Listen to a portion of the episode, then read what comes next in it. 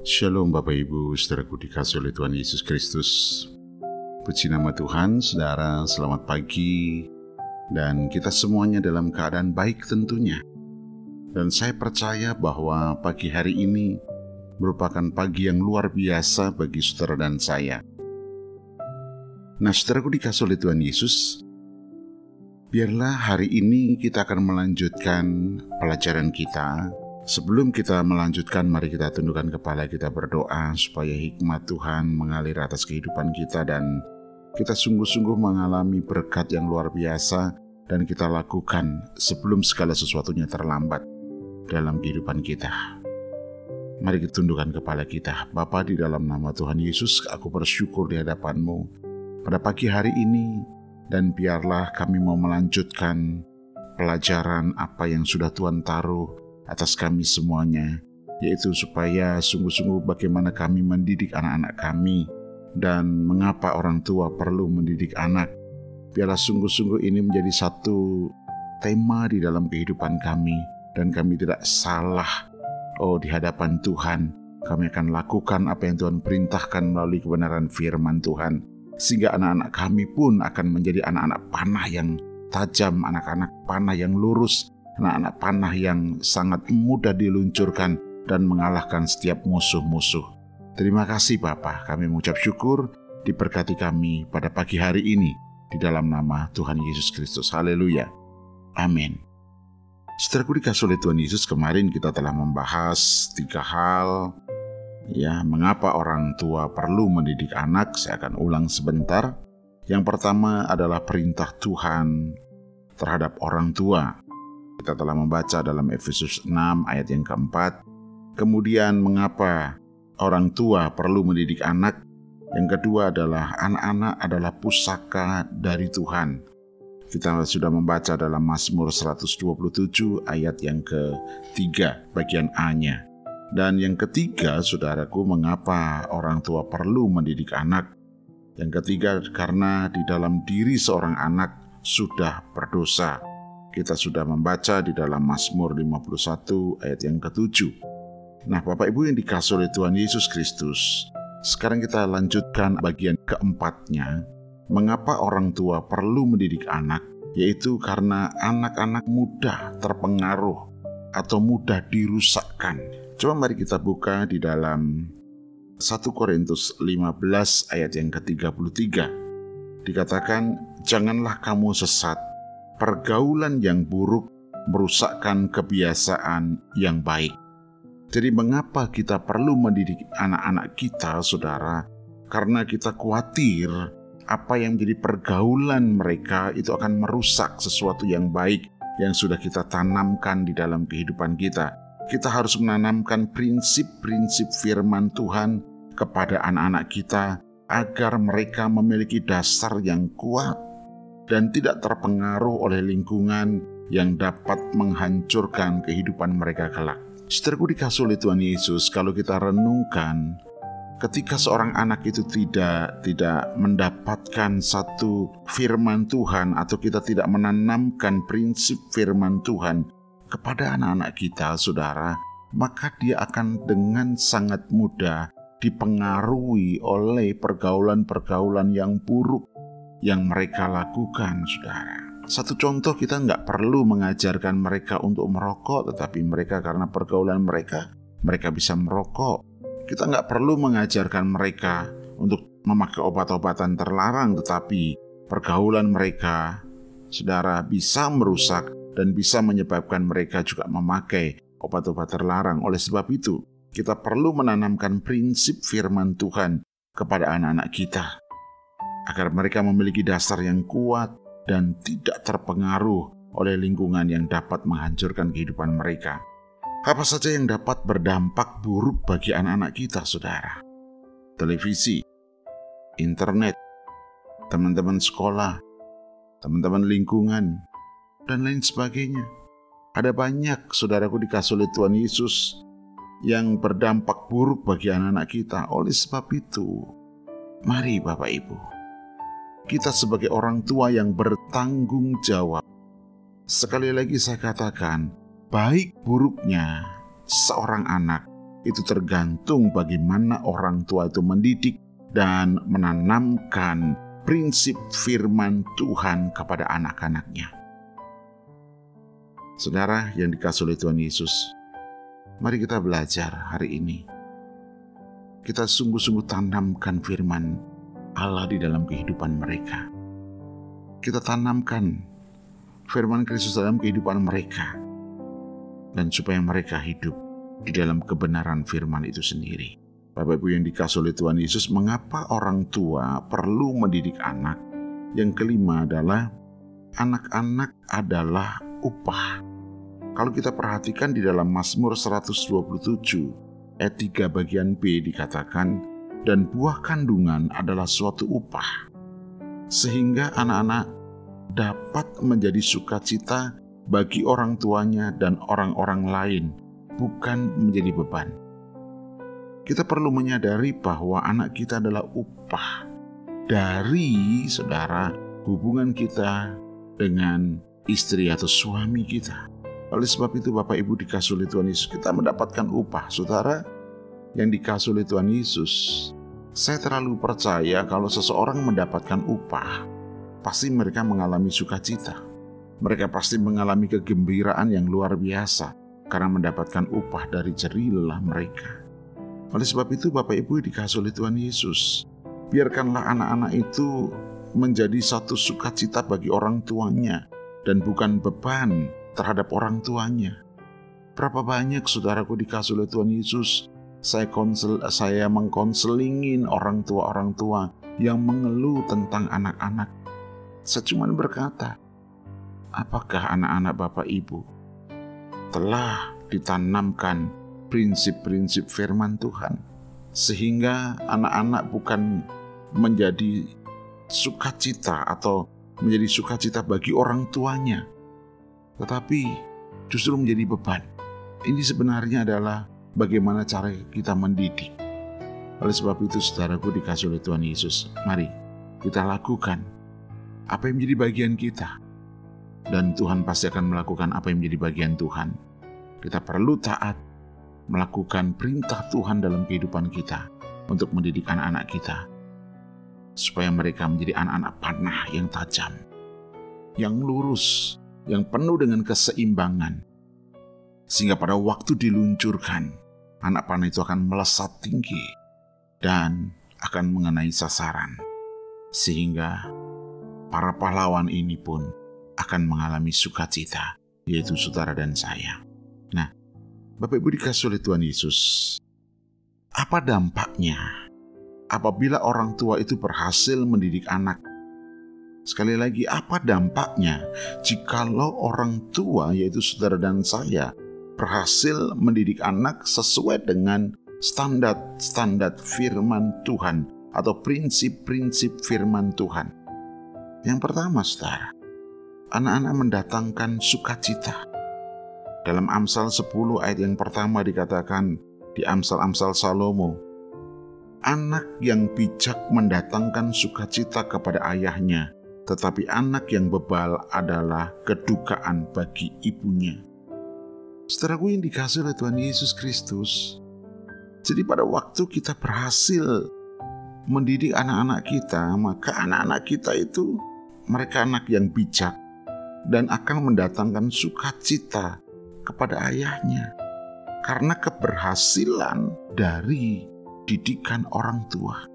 Menjadi anak yang penuh dengan takut akan Tuhan, suka membaca Alkitab, darah yang dikasih Tuhan Yesus, pokoknya akan mendatangkan sukacita. Saya percaya saya tidak bisa bisa membayangkan ketika anak-anak kita ini benar-benar menjadi anak yang bijak, saudara. Yang kedua, saudara, yang dikasih oleh Tuhan Yesus, dampaknya pada waktu saudara dan saya berhasil mendidik anak-anak kita. Anak-anak itu akan mengembirakan ayahnya. Di dalam Amsal 15 ayat yang ke-20, kalau saudara perhatikan di sana, dikatakan anak yang bijak mengembirakan ayahnya, tetapi orang yang bebal menghina ibunya. Saudara yang dikasih Tuhan Yesus, Tadi mendatangkan sukacita, Amsal 15 ayat 20 mendatangkan kegembiraan yang luar biasa. Oleh sebab itu, kalau ada sukacita dalam rumah tangga, ada kegembiraan di dalam rumah tangga, saya percaya rumah tangga itu akan terasa manis. Rumah tangga itu akan seperti surga yang luar biasa. Apakah Bapak Ibu merindukan hal itu terjadi? Mari saudara didik anak saudara dengan takut akan Tuhan. Kemudian saudara, apa dampaknya kalau saudara dan saya mendidik anak-anak itu dengan takut akan Tuhan dengan prinsip-prinsip firman Tuhan. Yang ketiga Amsal 29 ayat yang ke-17. Dikatakan didiklah anakmu, maka ia akan memberikan ketentraman kepadamu dan mendatangkan sukacita kepadamu. Yang ketiga dia akan memberikan ketentraman ada damai sejahtera. Kita ndak uring-uringan terus, kita nggak perlu teriak-teriak untuk menyuruh anak kita. Kita nggak perlu ngotot, marah-marah, saudara. Tetapi justru akan memberikan ketentraman kepada kita. Dan saya percaya kita pasti akan uh, mengalami home sweet home. Betul-betul itu kita alami Bapak Ibu semuanya dikembalikan kepada kita sebagai orang tua, bagaimana kita mendidik anak-anak kita. Dan saudara, apa dampaknya saudaraku? Kalau kita gagal dalam mendidik anak-anak kita, apa dampaknya? Yaitu sangat jelas anak yang bebal menyakiti hati ayahnya. Amsal 17 ayat yang ke-25 mengatakan, anak yang bebal menyakiti hati ayahnya. Saudara, kalau kita tidak mendasari, tidak mendidik anak kita dengan mendasari kebenaran firman Tuhan, maka dia akan menjadi anak yang bebal dan itu akan menyakiti hati ayahnya. Kemudian Amsal 29 15 mengatakan, anak yang dibiarkan mempermalukan ibunya. Berapa banyak saudaraku yang dikasih oleh Tuhan Yesus kita tidak bisa mendidik anak-anak kita misalnya dengan mendasari kebenaran firman Tuhan. Mereka mohon maaf pada waktu pacaran kita tidak mendasari mereka dengan kebenaran firman Tuhan sehingga terjadi kecelakaan MBA. Saudara dikasih oleh Tuhan Yesus. Ini sesuatu yang sangat menyakitkan ini sesuatu yang sangat mempermalukan ibunya, orang tuanya. Oleh sebab itu mari kita sama-sama bergerak saudara. Supaya generasi-generasi muda kita, generasi-generasi Yeremia kita, sungguh-sungguh dipakai Tuhan dengan luar biasa. Semuanya akan dikembalikan kepada saudara dan saya. Tuhan taruh begitu kuat ketika saya berdoa. Tuhan, apa yang harus saya bagikan, apa yang Tuhan akan bagikan di dalam renungan pagi. Dan Tuhan katakan, supaya lebih memfokuskan kepada keluarga. Bapak Ibu dikasih oleh Tuhan Yesus, bukankah oh, Pak Niko Nyotora Harjo, gembala dari GBI, saudara, menekankan tentang bahwa hari-hari ini kegerakan anak-anak muda, generasi-generasi Yeremia akan dipakai Tuhan dengan dahsyat. Mari ambil bagian dalam hal ini Bapak Ibu saudaraku dikasih Tuhan. Supaya anak kita benar-benar dipakai oleh Tuhan sehingga membanggakan hati kita. Membuat kita sukacita, membuat kita bergembira, dan membuat ketentraman hati kita. Mari kita renungkan sebagai orang tua, apakah selama ini anak-anak kita membawa sukacita atau justru memusingkan kita dan menjadi beban buat kita. Anak-anak adalah generasi-generasi penerus di dalam kehidupan kita, seperti tertulis dalam kitab Kejadian 1 ayat yang ke-28. Setelah mereka adalah generasi-generasi penerus yang Tuhan percayakan di dalam kehidupan kita, saudara. Oleh sebab itu, mari saya percaya biarlah kita sepakat bersama-sama bahwa kita perlu mendidik anak-anak kita takut akan Tuhan, supaya sungguh-sungguh generasi-generasi kita adalah generasi-generasi yang luar biasa. Dikatakan di dalam kejadian 1 ayat ke-28 Allah memberkati mereka Lalu Allah berfirman kepada mereka, Beranak cuculah dan bertambah banyak, penuhilah bumi dan taklukkanlah itu, berkuasalah atas ikan-ikan di laut dan burung-burung di udara, dan atas segala binatang yang merayap di bumi. Jadi anak-anak kita adalah generasi-generasi yang akan meneruskan mewarisi uh, bumi ini, saudara. Oleh sebab itu, ayo kita didik anak-anak kita. Kita sebagai orang tua, kita perlu mempersiapkan anak-anak kita agar mereka menjadi kebanggaan bagi kerajaan Allah, yaitu memiliki karakter-karakter Kristus. Mereka dipakai untuk memajukan kerajaan Allah, yaitu menjadi orang-orang yang berpengaruh.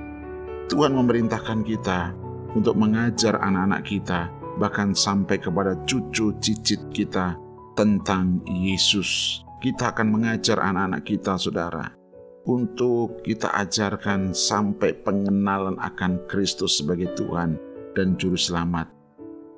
Mari kita bangun mata rantai kebenaran dari generasi ke generasi kepada anak-anak sampai kepada anak cucu kita. Allah rindu melihat sebuah keluarga yang melayani Dia, yang setia dari generasi ke generasi. Saya percaya, saudaraku dikasih oleh Tuhan Yesus, nasib masyarakat kita tergantung pada apa yang terjadi dalam keluarga kita. Bapak Ibu dikasih oleh Tuhan Yesus, mari kita renungkan. Jangan salahkan 100% kesalahan itu terletak pada anak kita. Kalau mereka berbuat ulah, tetapi mari kita koreksi di dalam diri kita sebagai orang tua. Apakah kita mendidik anak kita dengan benar? Atau justru kita menyakiti hati anak-anak kita sehingga anak-anak kita timbul kepahitan, sehingga terjadi pemberontakan dan lain sebagainya.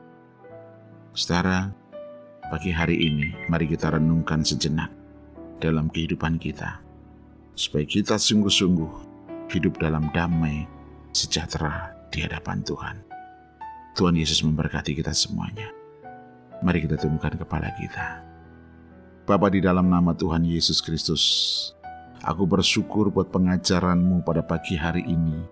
Dan biarlah sungguh Tuhan, kami boleh bertobat berbalik pada daripada jalan-jalan kami yang jahat supaya sungguh-sungguh Tuhan kami peroleh kasih karunia dari Tuhan sehingga di dalam kehidupan kami Allah ditinggikan. Dalam keluarga kami Allah ditinggikan.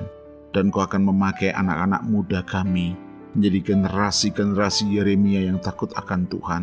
Generasi-generasi Yeremia yang akan memegang kendali atas bangsa ini. Kami percaya Bapa, datanglah kerajaanmu, jadilah kehendakmu di rumah tangga-rumah tangga yang ada. Mari engkau pimpin setiap rumah tangga-rumah tangga yang ada. Kau urapi para suami, urapi para istri, sehingga mereka sungguh-sungguh mentaati apa yang Tuhan perintahkan hari-hari ini untuk kami memperhatikan keluarga kami, untuk kami memperhatikan anak-anak kami, pasangan hidup kami, sehingga ketika Tuhan datang untuk menjemput kami, kami didapati menjadi hamba yang setia di hadapanmu, karena kami melakukan apa yang menjadi bagian kami untuk mendidik anak-anak kami.